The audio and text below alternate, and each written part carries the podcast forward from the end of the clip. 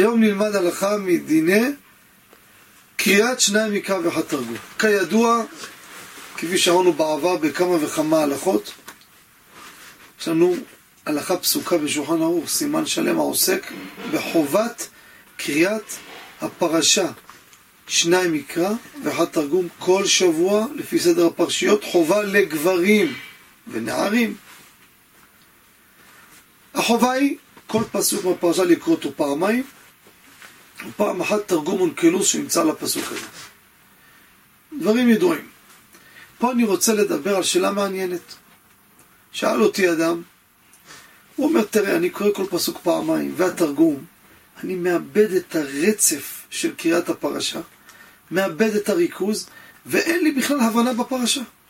תן לי לקרוא את כל הפרשה מכה ברצף. אני מתרכז, מבין את כל הסיפור, את כל המהלך, את כל כוונת התורה בפשט, הרווחתי משהו. אחר כך אני חוזר לפרשה שוב כולה. כל הפרשה מקרא. חזרה נוספת, פש, הבנה בהירה. אחר כך בתרגום לא אכפת לי מבין או לא מבין, אני אקרא את כל התרגום במכה. האם זה טוב או לא טוב. אמת, מבחינת הבנת הפרשה, אחד כזה עדיף שיקרא כמו שהוא אומר. נכון, היה נראה כך.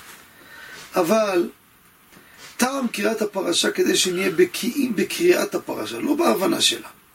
שידע את המילים. מילים.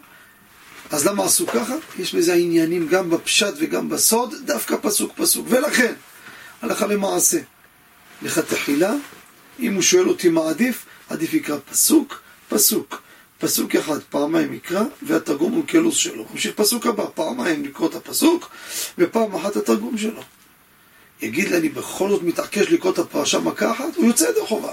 שואל אותי מה עדיף? עדיף בכיוון השני שאנחנו אמרנו. תודה רבה וכל טוב.